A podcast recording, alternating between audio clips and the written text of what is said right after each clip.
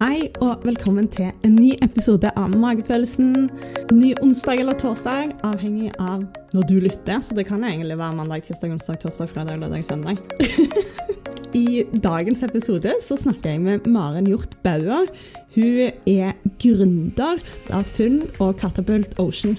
De skaper såkornsform og er akselerator for tidligfaseselskaper innenfor havteknologi og bærekraft. Maren digger havet og tenker at her er det mange muligheter for å rydde havet. Tekniske løsninger som faktisk skaper en bedre verden, men òg at her finnes det enormt mange forretningsideer. Supert! Så hun prøver å få folk opp og fram, og det digger jeg. Vi snakker om gründertilværelsen og hvem det er for, og hvordan hun har kommet seg dit hun er. For det er ikke så mange kvinner som har starta sitt egen ånd, rett og slett. Maren sin motivasjon handler om klima, biodiversitet, hav, teknologi og innovasjon som står sterkt i startuper som satser på havteknologi. Her kan vi lære mye, jeg gjorde iallfall det, for jeg kunne veldig lite egentlig om investering. For det Maren faktisk gjør, det er å hente inn penger fra investorer for å investere i startup-selskaper. Hvor kult er ikke det? Hun faktisk tilrettelegger for at andre selskaper skal kunne lykkes. Jeg heier på sånne initiativ, og jeg antar at det er veldig mange selskaper som setter pris på sånn type hjelp, fordi at det er kanskje en av de vanskeligste oppgavene du har når du er gründer, det er å hente nok penger sånn at du kan gjennomføre ideen. Og det som er at gründere, de er jo kjempeflinke til det de er flinke til. Og det er gjerne ikke salg eller markedsføring å hente inn penger, men det er å skape produkter. Dette er kult. Gled deg til episoden. Hjertelig takk for at du har lyst til å være med i podkasten. Det syns jeg er veldig hyggelig. Veldig hyggelig å bli invitert. Jeg vet jo at du har gjort veldig mye spennende i løpet av din karriere.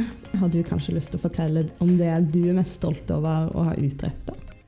Jeg tror um, det er nok å, å bygge Katapult Ocean. Eh, og også det jeg holder på med nå, med å bygge Fynd.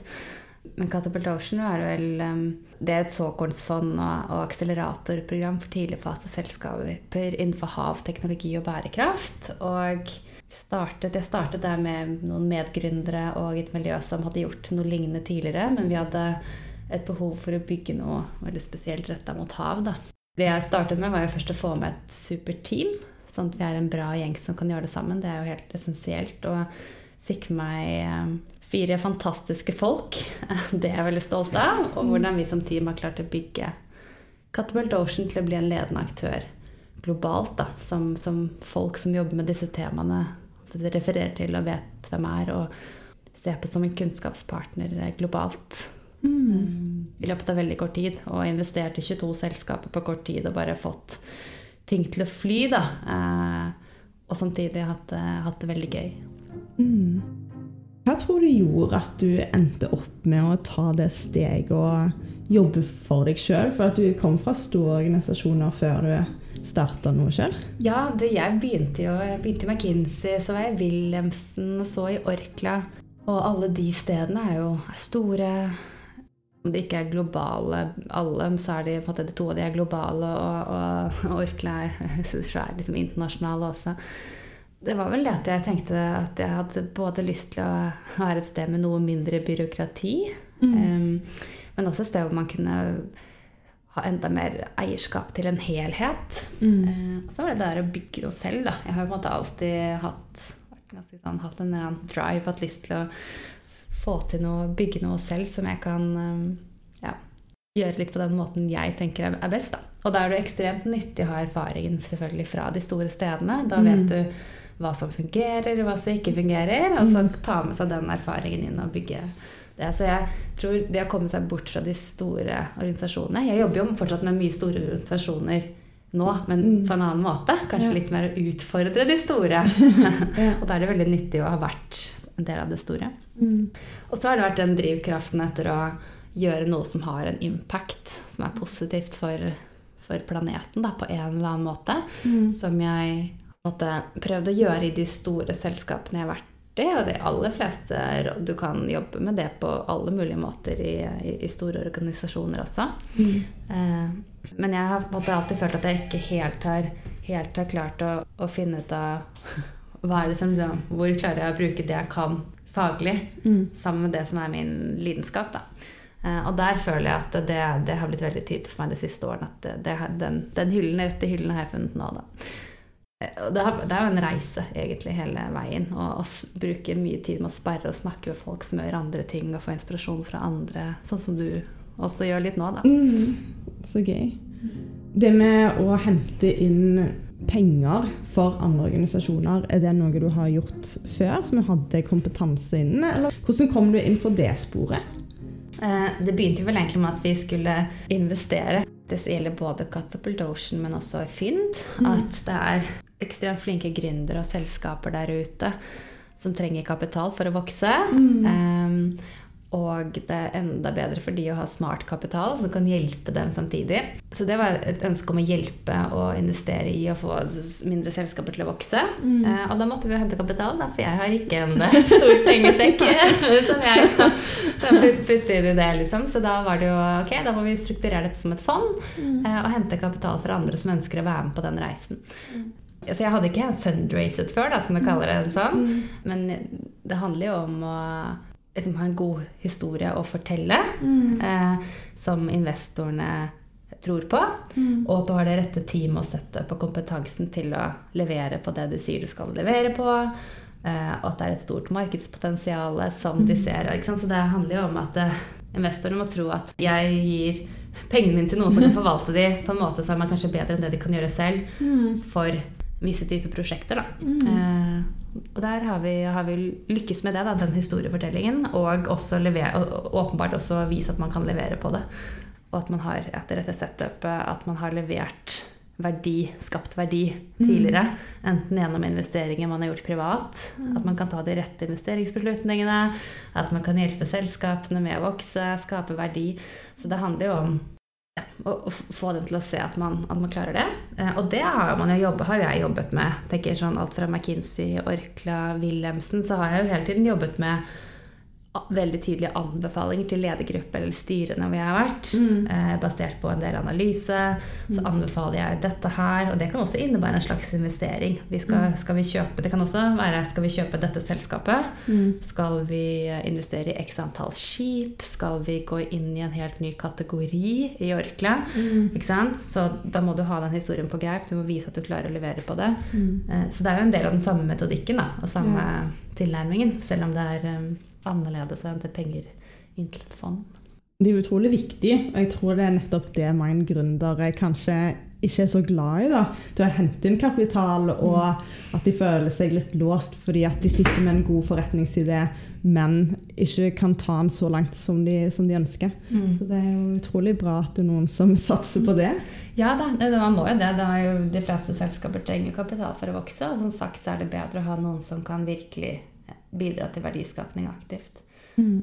Men det er helt kritisk for oss. Altså, jobb, en ting er å hente kapital, men det viktigste er for oss er jo å velge ut de rette selskapene. Ja, ja. eh, Fra en stor masse av selskaper. Og så jobbe med de aktivt når vi eier de, eller er på eiersiden, for å hjelpe de å skape verdi og vokse. Mm. Så man som investor så sier man jo nei til veldig veldig, veldig mange flinke, kule prosjekt, altså flinke, kule folk og prosjekter. Eh, og det er jo en del av gamet, og det er noe man må lære seg da, å gjøre på en ordentlig måte. Mm. Det blir jo som et jobbintervju, nesten. At det er ikke dermed sagt at de er dårlige, de som får nei. Nei. Bare at det, ja, det, det er mange som søker, vel. Ja. Fynd, som jeg nå starter, som er et senere fase vekstfond med litt samme tematikk, noe snevrere, eh, så kommer vi til å investere vesentlig høyere beløp i selskaper som har kommet også vesentlig lenger. Mm. Og da kommer vi til å investere i færre selskaper. Så det her er snakk om selskaper som har bygd et produkt, har solgt eh, Eller liksom har, har kunder, men nå skal skalere og vokse. Kanskje fra Norge og ut i resten av verden. Fra ja, fra én kunde til flere. Så da handler det om et fynd. Vi skal hjelpe disse selskapene med å lage et solid fundament da, for å vokse. Veldig spennende. Hva tror du er hovedårsakene til at du har kommet deg dit du er i dag? Det er mye tilfeldigheter, åpenbart. Eh, Eh, jeg har aldri liksom hatt en sånn klar plan av at jeg skal, jeg skal starte et fond. Det tror jeg egentlig Det hadde jeg sikkert blitt litt overrasket over selv, hvis du spoler tilbake en del år. Men det, det er jo vel det at jeg har vært mye nysgjerrig. mm.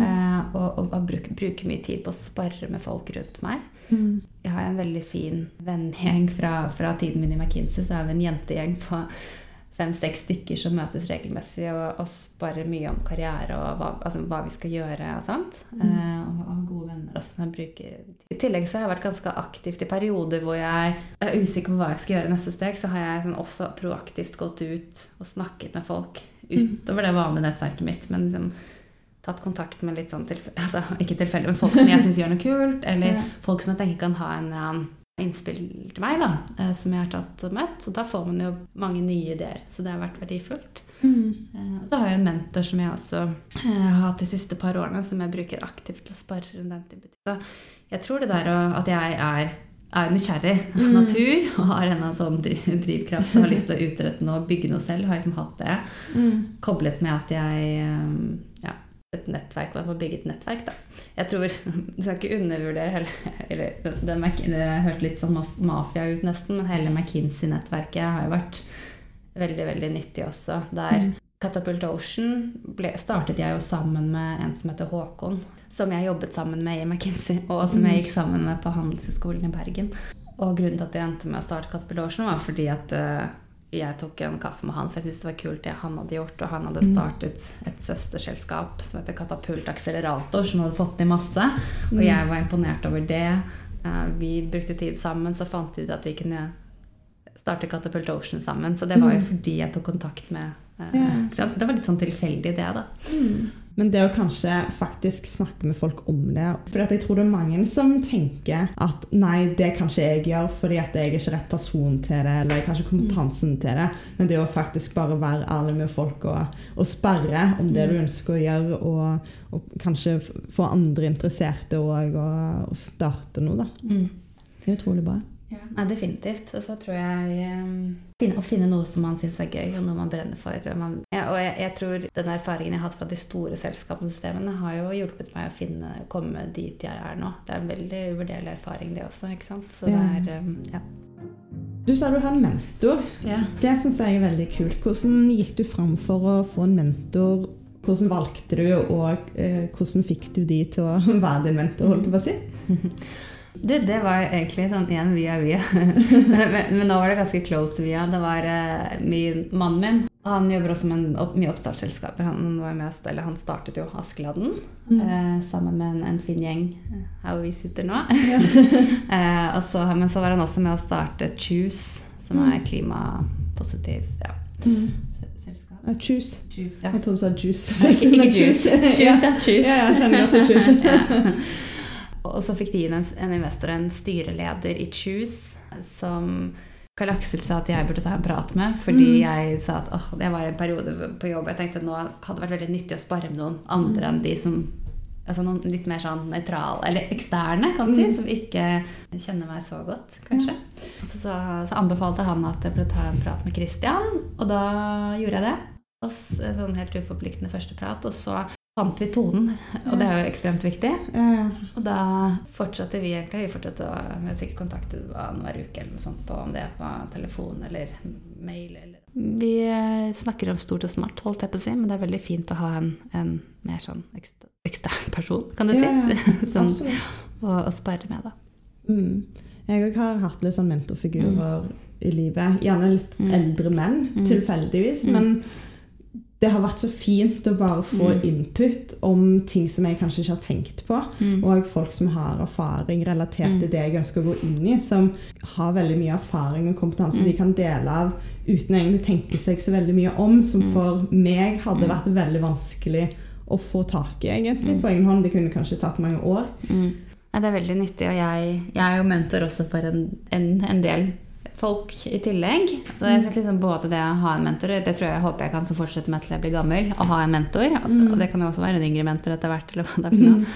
Eh, Men også det å være mentor er jo, synes jeg er veldig eh, givende. Da. Det er jo gøy å følge, følge folk og, og føle at man kan bidra og hjelpe og få folk til å få til ting. Da. Det er jo Jeg har liksom vokst opp litt, hva skal jeg si, hele, igjen, tilbake til litt McKinsey, men hvor du har et, et, system som er veldig fokusert på dette her med utvikling og feedback og få folk til å vokse, da. Eh, mm. Og det er kjempeviktig. Fint å ha mentor, men også å være mentor. Mm. Det å lære seg ja, det med konstruktiv kritikk og mm. hvor viktig det faktisk er tilbake, mm. med tilbakemeldinger for å vokse. Mm. Det er det ikke alle som eh, er like komfortable med. Nei. det. Man må være god på å be om det selv òg, Så det der å mm. hele tiden bare få, få, feedback tilbake også. Spesielt som leder, at du må spørre de rundt seg om, om mye feedback. Da. Og det er en sånn kulturgreie som kan ta litt tid å bygge det. Mm, absolutt. Har du noen tips for å få til det? For jeg har jo merket i ulike organisasjoner så har jeg bedt om tilbakemelding. Mm. Og så har folk vært litt sånn Nei, alt er kjempefint. Og så er det sånn Ja, men gi meg noe. men folk syns det er så ubehagelig. Og blir nesten sånn de konfliktsky og blir ja, veldig på defensiven. Og så er det nesten sånn at de tar det som kritikk ja. og blir bedt om ja. å gi noe tilbake. Det er, det er jo, Man må jo se an folk. Folk er veldig forskjellige, da, så man må se an hvem man snakker med det om. Men én ting kan jo kanskje være å først begynne med å si, sette seg ned og si at uh, det er viktig for meg å få feedback for å vokse. Mm. Både ting jeg gjør bra, og ting som jeg kan utvikle meg på. Da. Mm. Og det hadde vært supert om du kunne bidra med det. Og så kanskje heller, hvis det er en spesiell ting du ønsker feedback på, om det hadde vært en eller annen presentasjon i et eller annet møte, så kan du jo før det si at det, så hadde det vært fint om du kan ta litt notater og tenke, liksom, tenke på hva jeg gjør bra, hva jeg kan mm. gjøre bedre. Mm. Og så være, fokusere kanskje på én konkret situasjon først, da, som blir litt mer håndfast. Og så, og så har den, den, personen en oppgave da, å mm. følge med på deg i det møtet. Og så etter det møtet så kan dere sette dere ned og gå gjennom den feedbacken. Og så blir man, det er en måte å varme seg opp på det på. Da, for da blir det én tydelig situasjon som er enklere enklere å forholde seg til hvis man er ukomfortabel kanskje enn deg generelt, hvis du skjønner? Ja, ja, ja, absolutt. Mm. Men så er det ikke altså, Det er ikke alle som er komfortable med det. Da er det jo kanskje krevende at man skal omvende. Ja. Mm. Men så kan man jo Jeg tenker det å gi feedback også er jo en, en kan også være en krevende ting hvis man ønsker å gi til noen som egentlig ikke ønsker å ta det imot. Ikke sant? Så, mm. De misforstår. Eh, ja. Da er det i hvert fall det å spørre først, i hvert fall. Sånn, jeg har noen observasjoner. Mm. Eh, vil gjerne dele med deg. Har du lyst til det? At så mm. kan de mulig til å si nei. Mm. Og så er de nok kanskje litt nysgjerrig. så de sier ja, men det er liksom, ja, sånn, men dette er helt avhengig fra person til person. Mm. Mm. Hvordan fant du ut at det er nettopp dette du brenner for, det med hav? For det er jo veldig spesifikt, som er kult. da. Og det, ja, det er spesifikt, men så er det jo det det egentlig ikke er. vet du. det dekker, så er det jo 70% av, 70% av jorda, da. Og eh, mer enn 80% av alt liv på jorda er i havet. Mm. Um, men for folk flest så er det jo noe ja. vi kanskje ikke har tenkt så mye på. Nei, og det er jeg helt enig i. Og, og, det er jo um, og det er kanskje noe av det også. At mm. uh, det er flere ting. Det første er selvfølgelig ha, viktigheten av havet. Og det at uh, som det heldigvis blir mer og mer oppmerksomhet rundt. At utfordringene i havet påvirker Henger jo helt sammen med andre typer bærekraftsutfordringer. Mm. Som går på både at, at vi uh, mister liksom art, artsmangfold, klima Havet regulerer mesteparten av klima, klimaet vårt. Så hvis havet mm. hvis hvis det eh, kollapser på en eller annen måte, så har det katastrofale mm. konsekvenser for, for klima også. Som er det vi snakker om. Så klima, biodiversitet og hav er jo helt ja. sammenkoblet. Mm. I tillegg så er jo havet ekstremt viktig for veldig mange av de fattige land rundt omkring i verden. Så når man tenker på sosiale utfordringer, så har, mm. spiller havet en veldig viktig rolle der også. Mm. Så, så liksom, det er mye mer, da. Og, mm. og, det tror jeg bare å fortelle den, den, historien og få mer oppmerksomhet rundt det, er en mm. ting mm. eh, som jeg syns er, er, er, kjempeviktig, og, ja. og en, en, en, utfordring som på en måte må, må takles. Og så er det jo selvfølgelig Norges spesielle rolle innenfor hav. Altså, vi har jo mm. en av de lengste kyst kystlinjene i verden. Mm. Og så har vi veldig god kompetanse på hav og teknologi. Mm. Um, men ledende selskaper globalt innenfor veldig mange av havnæringene. Som gjør at vi er i en unik posisjon. Mm. Uh, og som gjør at vi, det er mulighet til å bygge en, bygge ledende aktør globalt. Uh, faktisk på, med å bygge på det, den kompetansen da, mm. ut av Norge. Eh, så det, det, er bra. Og så er det jo at jeg er veldig glad i, altså, glad i havet. da, ikke sant? At man har en sånn kjærlighet for, mm. for det elementet. Så det er mange, mange ting. Og så er det jo at det er et ganske underutviklet område når det kommer til oppstartsselskaper og altså, ta i bruk teknologi. Sant? Mange hav, nå setter jeg, nei, generaliserer jeg det mye, Ja. men mange av havnæringene har jo er seinere å ta i bruk ny teknologi. Eh, som gjør at det er veldig stort potensial som ikke er tatt ut der. Eh, og det er mye oppstartsselskaper der også som er yngre enn en del andre. Altså fintech, healthtech. Liksom. Der Oceantech er litt nyere, så da kan man enda større grad være med å forme og kanskje løfte en hel sektor. Da. Og det er, eh, det er jo også veldig spennende. Det er jo Innenfor bærekraft også, så har det vært veldig fokus på alt som er over bakken, Mm. og ikke under eller Mm. sånn under havoverflaten. Og når de først har begynt å fokusere på det, så er det jo så innmari mye å ta tak i. Og det er jo ja, Jeg syns det er veldig kult at du fokuserer på løsningene. Fordi at eh, det er jo noe med at problemet er så innmari stort. Og jeg tror det er litt det òg. Det er jo lettere å forholde seg til noe som skjer på land. Det, det kjenner du kan ta på. Mm. Så er selvfølgelig hele plastproblematikken litt løftet eh, fra den eh, begynte vel med hvalen som kom på, med masse plast i magen som kom på en strand her i Norge.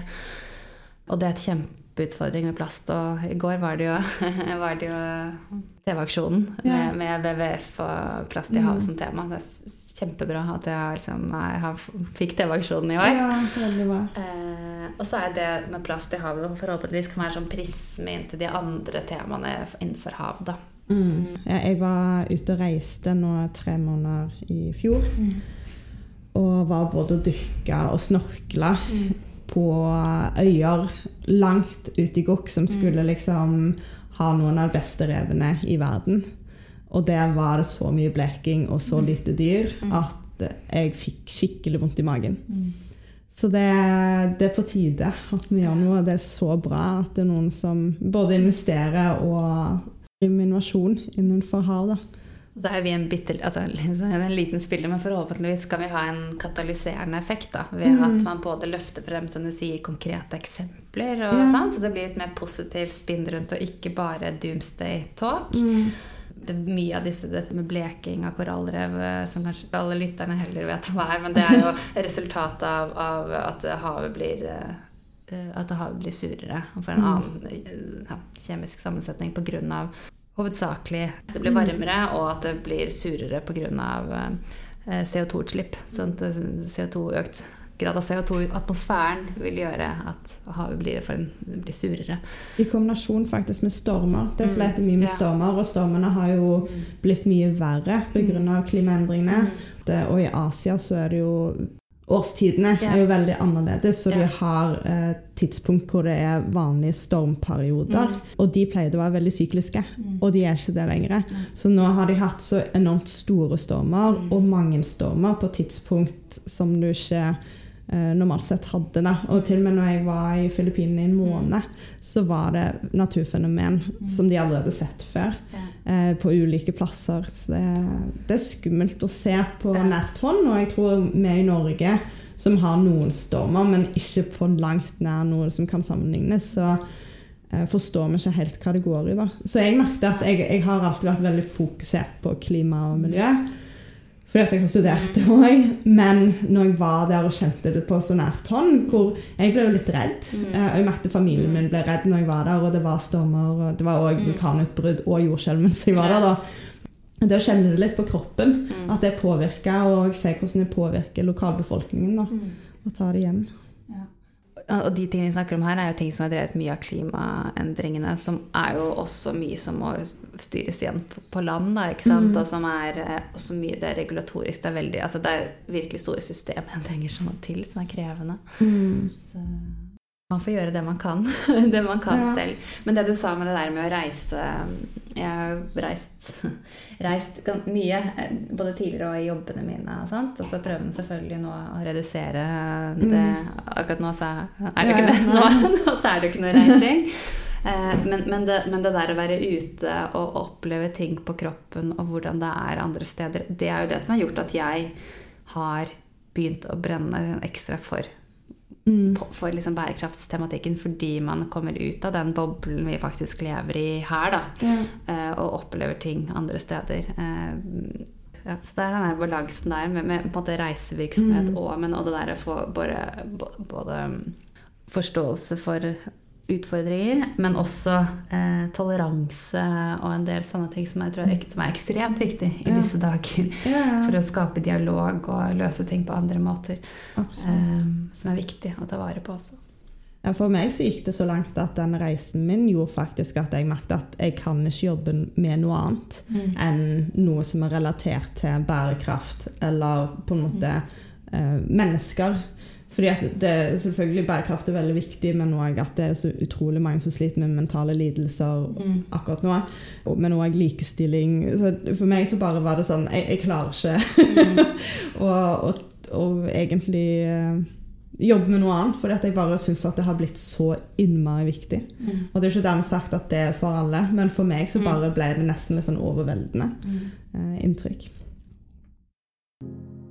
Utenom reiser, er det noe som har inspirert deg til å gjøre noe du aldri ellers ville drømt om å gjøre?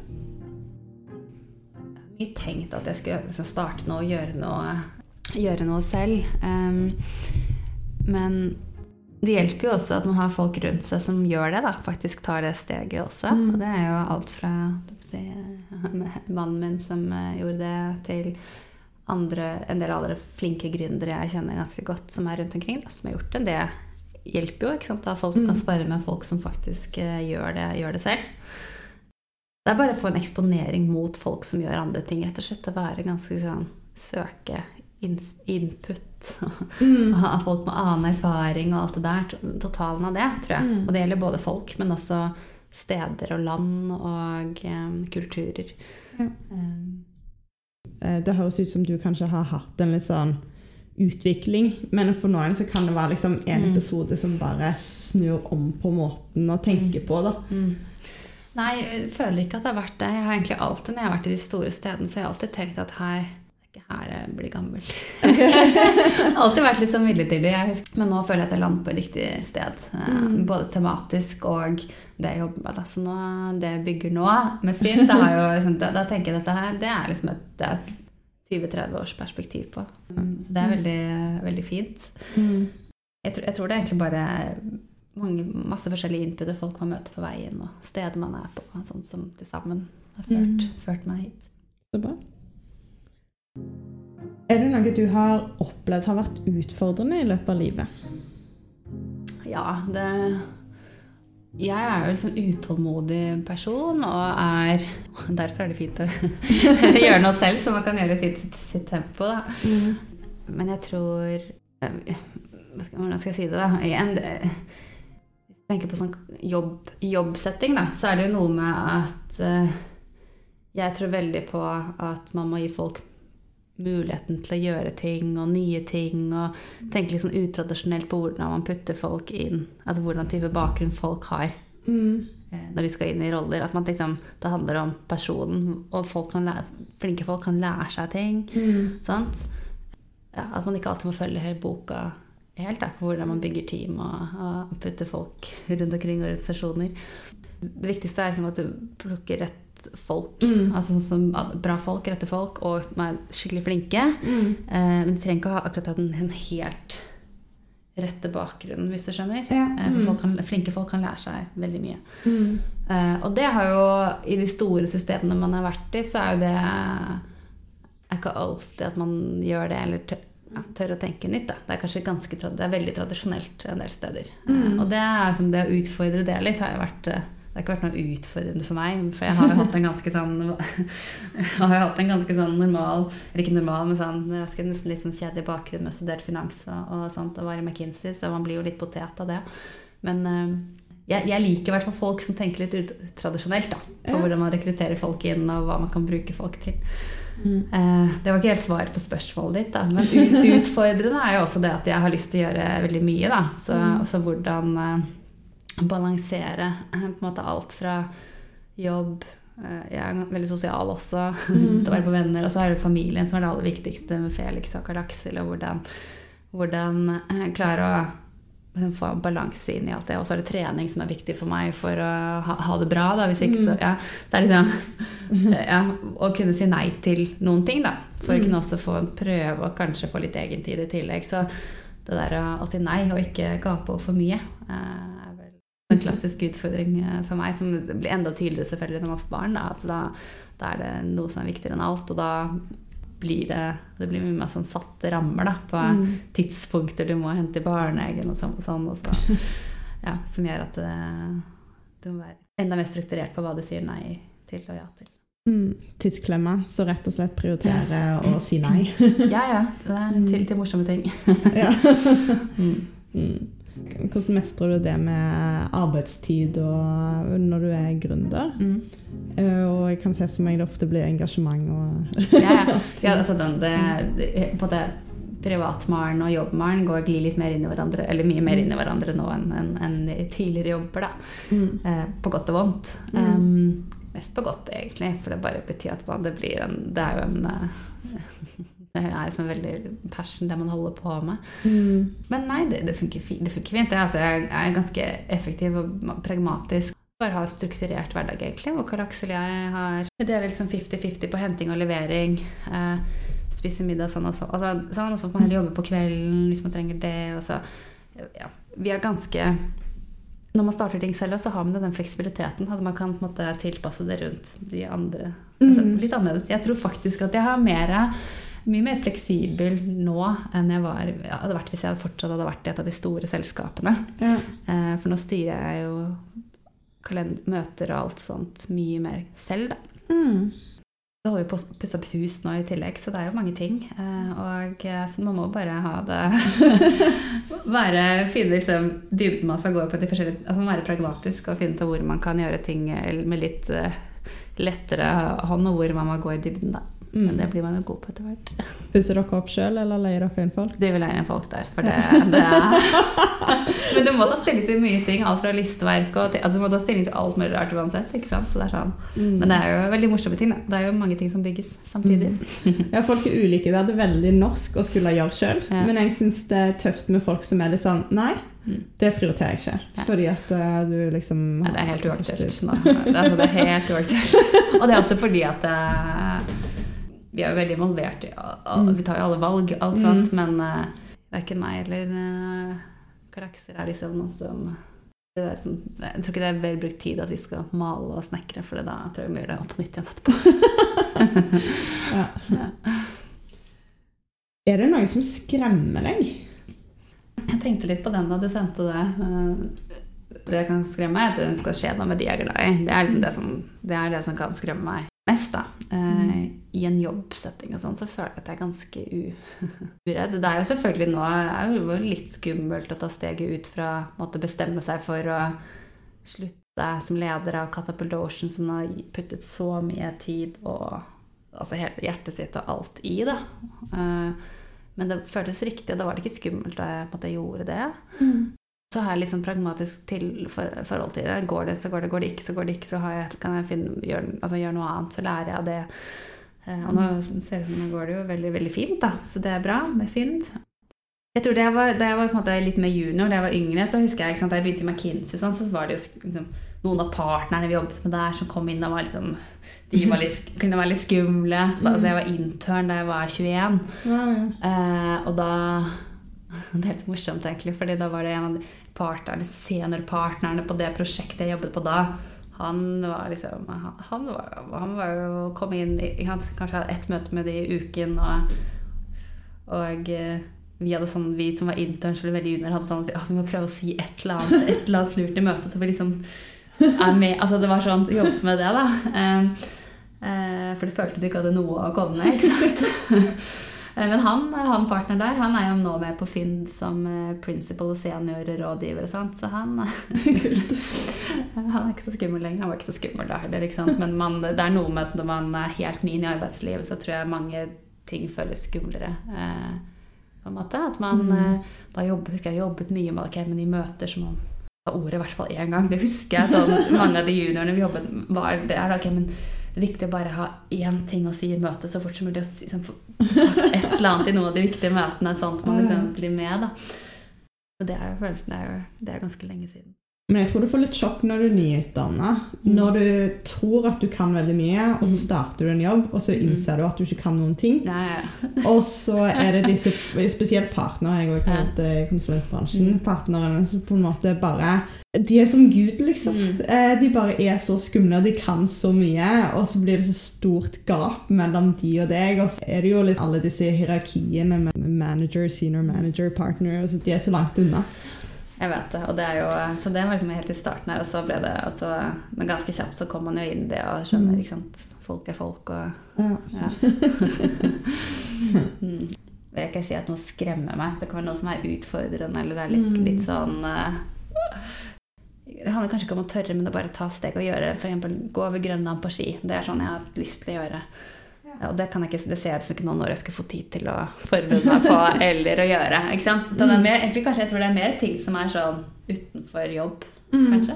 Ja, ja, men altså, det, jo, det skulle- trenger ikke bare å være jobb, liksom. Som jeg eh, også bare skulle ønske jeg hadde tatt, kanskje tatt meg tid til å gjøre liksom, noen sånne ting. Eh, Noen flere. Men man kan gjøre det på andre siden, andre siden og på andre siden. Det er sånn når barna, når barna, blir, barna, blir store. Ja, for jeg liker litt det at Vi er jo selvfølgelig litt annerledes på jobb enn vi er i privaten, men vi er jo allikevel samme person, så det er jo noe med Ja, på jobb så gjør jeg alt det jeg vil, Mm. men på privaten Mm. så gjør jeg aldri det jeg vil. Mm. Så det å på en måte bare være litt sånn Hvor er balansen i livet, da? Og så handler det om tidspunkt Mm. um, og prioritere. Ja. Er det noe som gjør at du skammer deg? Om sånn privat eller på jobb? Jeg liker jo ikke bruk av ord liksom skam. Da. Jeg, føler sånn veldig, Mm. jeg føler at man egentlig ikke burde skamme seg så mye. Uh, at det liksom, ikke er noen konstruktiv følelse. Det er jo det som er poenget. Ja. Men, uh, Men, men, men, men, jeg kan, men uh, jeg tenker litt på den også, for jeg, for jeg er jo sånn i motsetning til Maren, eh, 21 år i, som intern i McKinsey, og som måtte passe på prøve å ta ordet én gang i løpet av et, par, et møte, så kan jeg kanskje gå, altså, gå litt andre veien. At det, jeg syns det er så gøy, da, det jeg holder på med. At, jeg kan, at hvis jeg er i en sosial setting, og hvis noen spør meg, så er det sånn, kan jeg bare kjøre på. Og sånn, så kan jeg etterpå tenke sånn Åh, var jeg litt mye Snakket jeg litt mye om, eh, om Fyn eller, eller hav eller et eller annet sånt? Ikke sant? Altså, eh, at jeg kan tenke det. Eh, og da, men, da, men da er det ofte, hvis jeg har vært sammen med folk jeg kjenner, så spør jeg sånn du, ble, ble, ble, ble det litt mye av det der nå, liksom?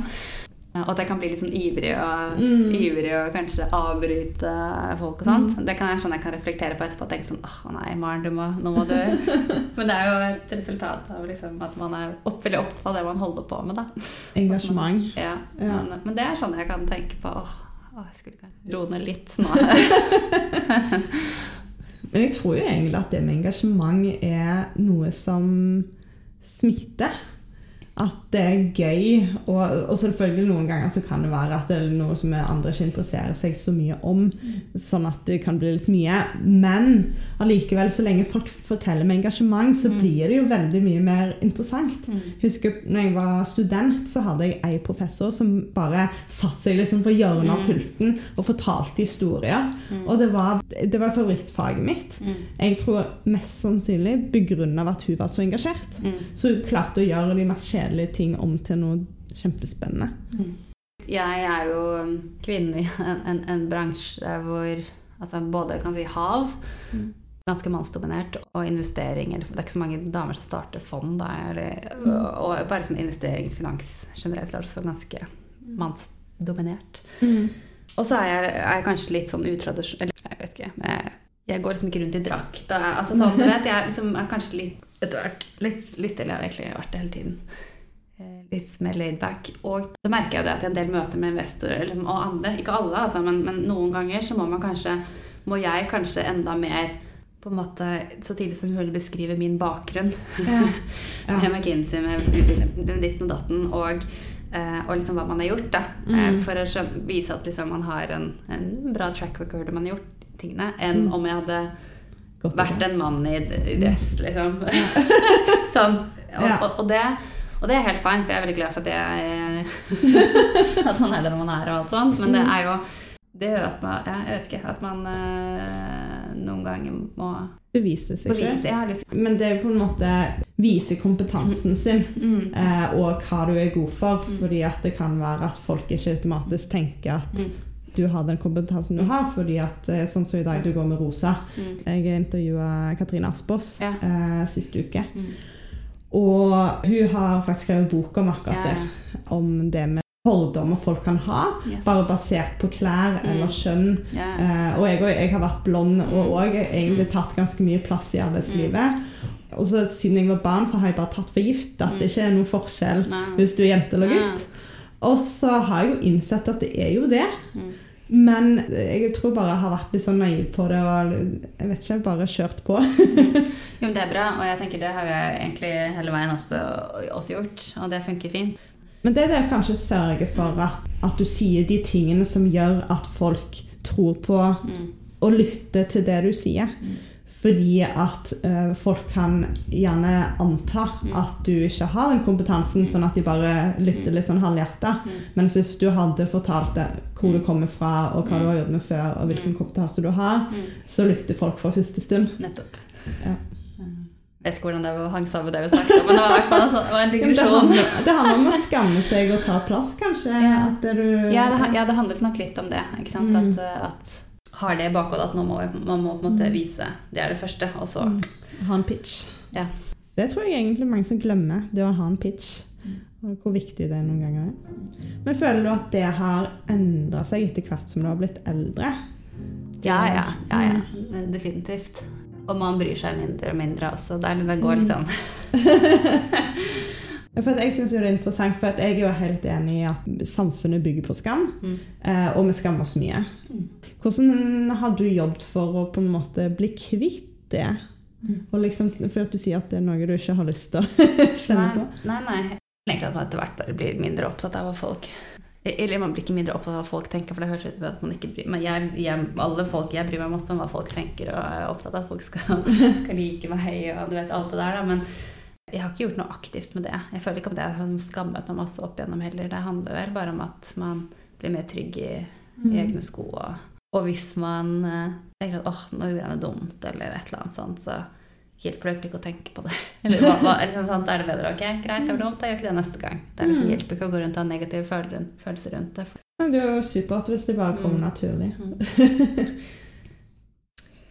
Hvordan håndterer du stress og det å være utenfor komfortsonen? Jeg antar det er noe du kjenner på mye når du jobber for deg sjøl. Jeg har en sånn kapasitet for jeg kan jobbe masse uten å bli stressa. Det er sjelden jeg blir sånn, sånn ordentlig kjenner sånn stressa puls og, og sånt. Mm. Uh, og jeg tror folk rundt meg merker liksom ikke at jeg er nødvendigvis er stressa. Karl Aksel merker nok det, mannen min merker nok det litt, for jeg kan komme, da kan jeg begynne å rydde, rydde, rydde litt hjemme. Jeg skal egentlig rydde i hodet, kanskje. Så. Men det å være utenfor komfortsonen er man jo mange ganger. Når man eh, starter nye ting og begynner nye? Første gang jeg skulle hente et fond med Ocean, hadde jeg ikke gjort det, for det er utenfor komfortsonen. Men jeg syns det er gøy, og da handler det egentlig bare om å ha folk rundt deg du kan spare med, som kanskje har gjort det før, og som du kan lære om. Da føler du det. Hvis du har, føler du at du har et bra sikkerhetsnett, Mm. så er det liksom eh, Er det noe helt, helt annet. Jeg tror man bare Hvis det er mye stress og ting som holder på å gå skeis, eller et eller annet, så, er, så tror jeg en må ta en veldig sånn analytisk tilnærming til det. Bare ok, nå må vi sette oss ned, Mm. angripe dette her eh, litt sånn systematisk, og bare og prøve å sortere tankene og se på hva er, liksom, hva er det som kan vente, hva er det vi må gjøre akkurat nå, hvor ille er det egentlig. Og så har jeg i mine roller som leder, da, forskjellige folk, så hjelper jeg veldig ofte de med å håndtere stress. Da. Det Mm. handler egentlig om å komme inn litt sånn fra utsiden og bare hjelpe å sortere tankene og finne ut av hva som egentlig er viktigst. For det kan bare balle på seg og bli veldig mye. Mm. Eh, og det, ser jeg, det, så det har jeg brukt mye tid på sammen med en del av folk som jeg har jobbet med. Og så gjør jeg det samme selv òg. Det kan jeg også komme hjem, altså hjem på hjemmebane, så kan jeg bare Ok, nå er det litt mye her, liksom. Mm. Og så kan du bare sitte med én person, om det er mannen min, om det er en venninne, om det er en kollega, og bare sortere gjennom ting. Mm. Så, så hjelper det. Så der igjen, å ikke sitte alene med noe, tror jeg bare er det viktigste. Og heller ha Mm. folk rundt seg man kan diskutere med, så blir ting veldig mye mer, mindre farlig og mer, mer håndterbart. Mm. Ja, for jeg tror jo at det at folk er litt ukomfortable med den komfortsonen, Mm. og kanskje ikke pushe seg sjøl, er en av grunnene til at folk kanskje ikke tør å ta Mm. det steget du har tatt. Mm. Men har du noen andre tips til det, hvordan å ta steget videre og liksom satse så stort? Ik ikke tenke for mye på alt mulig rart. Du må, man må på en måte være komfortabel med å leve med en del viss usikkerhet. da, ikke Mm. sant?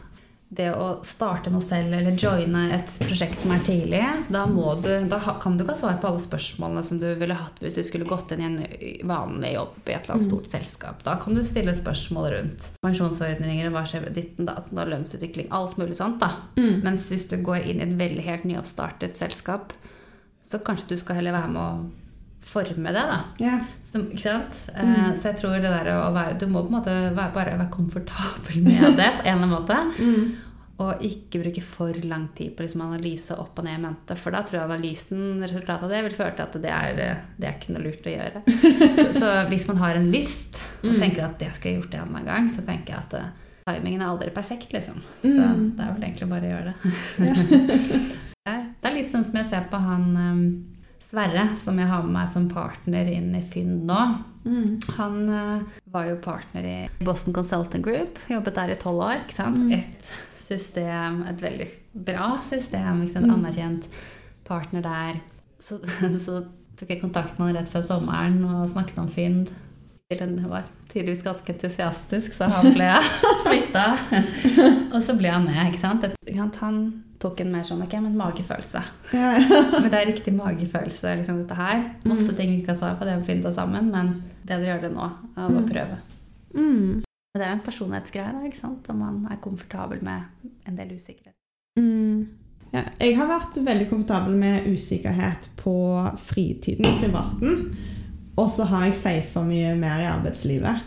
Og så har jeg egentlig funnet ut at det er ikke rett for meg, egentlig. Det er jo en grunn til at jeg har tatt masse sjanser på fritiden. Det er jo fordi at jeg syns det er gøy. og At jeg liker litt spenning og Mm. variasjon. Ja, det er vel det å på en måte bare gjøre og ikke tenke så mye. Mm. Mm. At jeg tror det er mange i arbeidslivet som føler at da er du nødt til å tenke alt igjennom Mm. eh, for at det skal være rett, og kanskje at det er mindre reversibelt. Det er en del ting man må tenke gjennom. Tåler man liksom altså den økonomiske risikoen? Lov, altså, det er en del sånne ting. Er det de rette folka?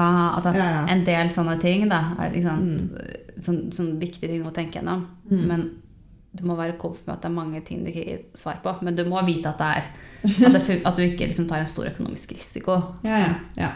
Og tenker jeg da, vel sånn at liksom det ikke, det, du ikke kan plutselig komme i en situasjon som er kjempevanskelig krevende. da. Man klarer ikke en ordentlig DD på, en, på, en, på et liksom, såpass tidlig prosjekter ofte. da. Det er litt annerledes. Det er også det som er litt spennende. da.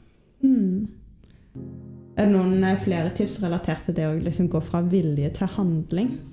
For at jeg tror det er mange som går rundt og drømmer mye, og så klarer de ikke helt å konkretisere en idé. da.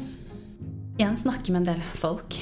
Kanskje prøve å få en mentor eller en sparringspartner. Og, det, om, og om ikke det er en mentor som skal ha et mentorforhold til eller liksom, neste ti årene, så kanskje er det en person som kunne vært hjulpet deg hvis du er i en sånn situasjon da, hvor du vet at du skal bytte jobb eller vurdere virkelig det. Mm. Er det en eller annen person som du, som du tror kan være verdifull for deg, som du kan bruke i de månedene den prosessen varer, f.eks.? Som, og du føler at hvis du tar et valg om å gå ut av komfortsonen din, så, så har det noen du kan være med på veien som er der også, og kan hjelpe deg hvis ting blir litt sånn krevende. Mm.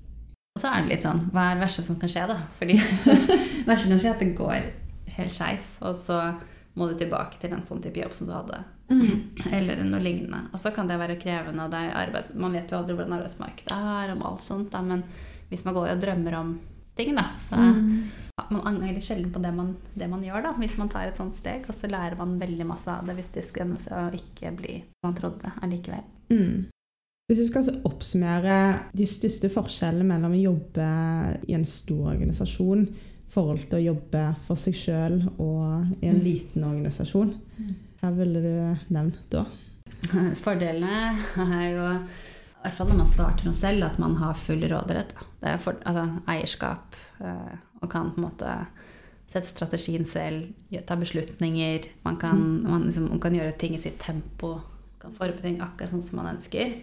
Hva hvis du bare jobber for en liten organisasjon? Fordi at Mm. jeg tenker For lytterne mine da, så vil det sikkert være mange som står mellom det å kanskje søke seg til Mm. f.eks. en gründerbedrift med ti ansatte, eller Mm. liksom en organisasjon på 200-2000 ansatte.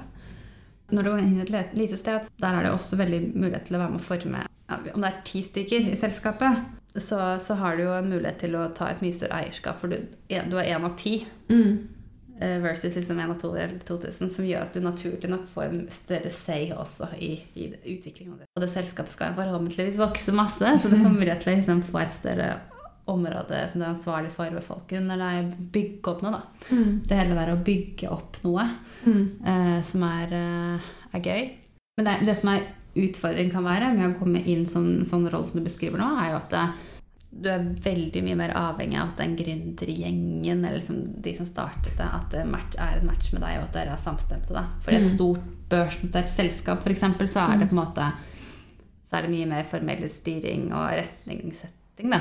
Så, mens liksom et gründerselskap det er jo færre folk. Da er det ekstra viktig at du kommer overens med alle de folka. Da. Mm. Mens i et større miljø så er det mange flere folk. Ikke sant? Så det, Mm.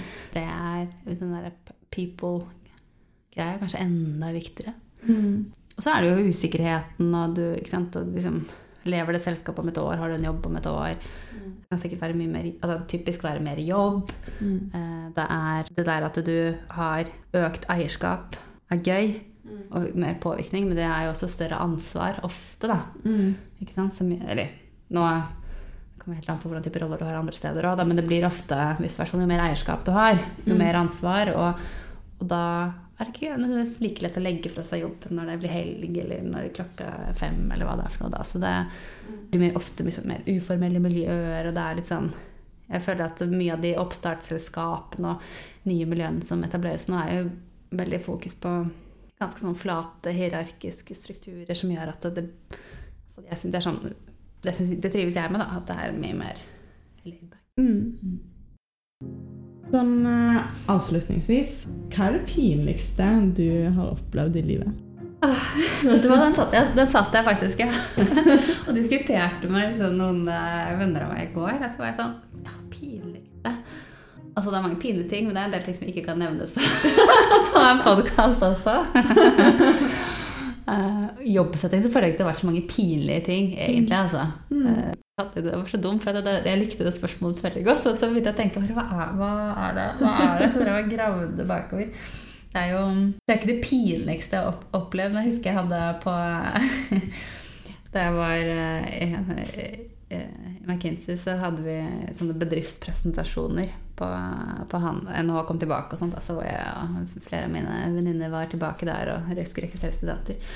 Og da var vi jo på, på, en måte på en sånn karrieredag, og det var fest i kjelleren og sånt. Og da husker jeg at og så var det da, lillebroren til min forlover altså, som var der, da, som gikk på NHH fortsatt. Og han er sånn, elsker å danse, så vi danset masse, og det var kjempe, kjempegøy. Da.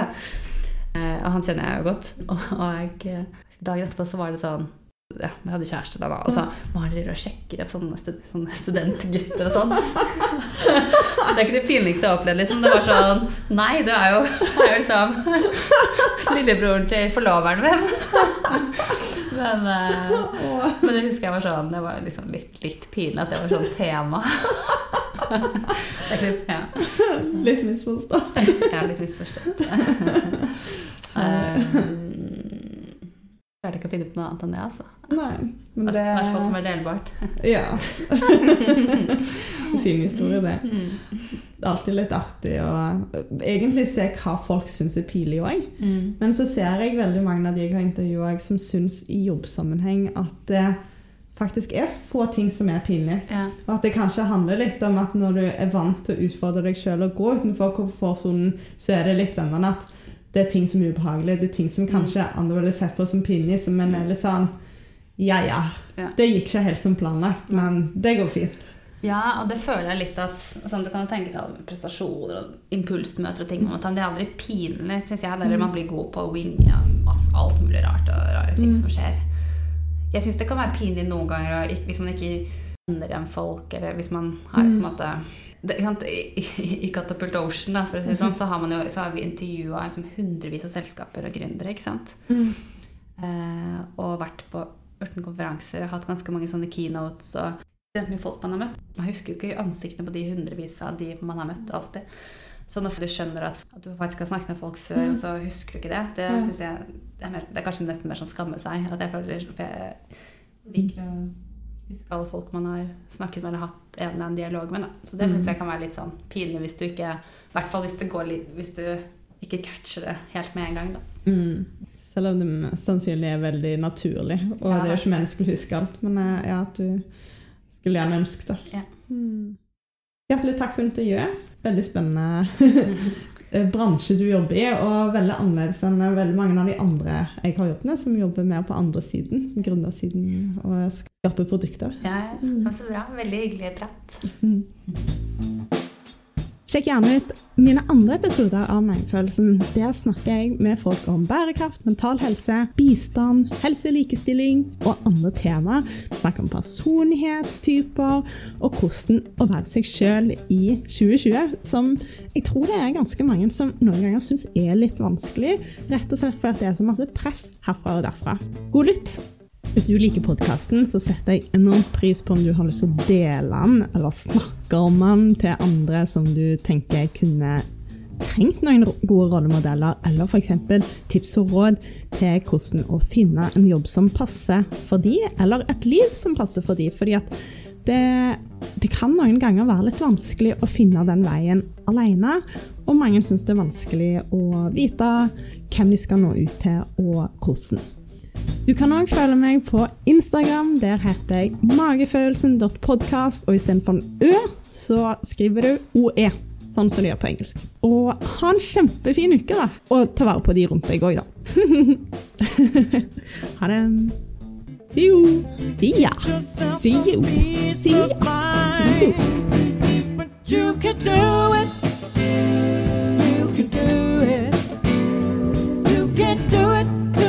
heart's still alive. You can do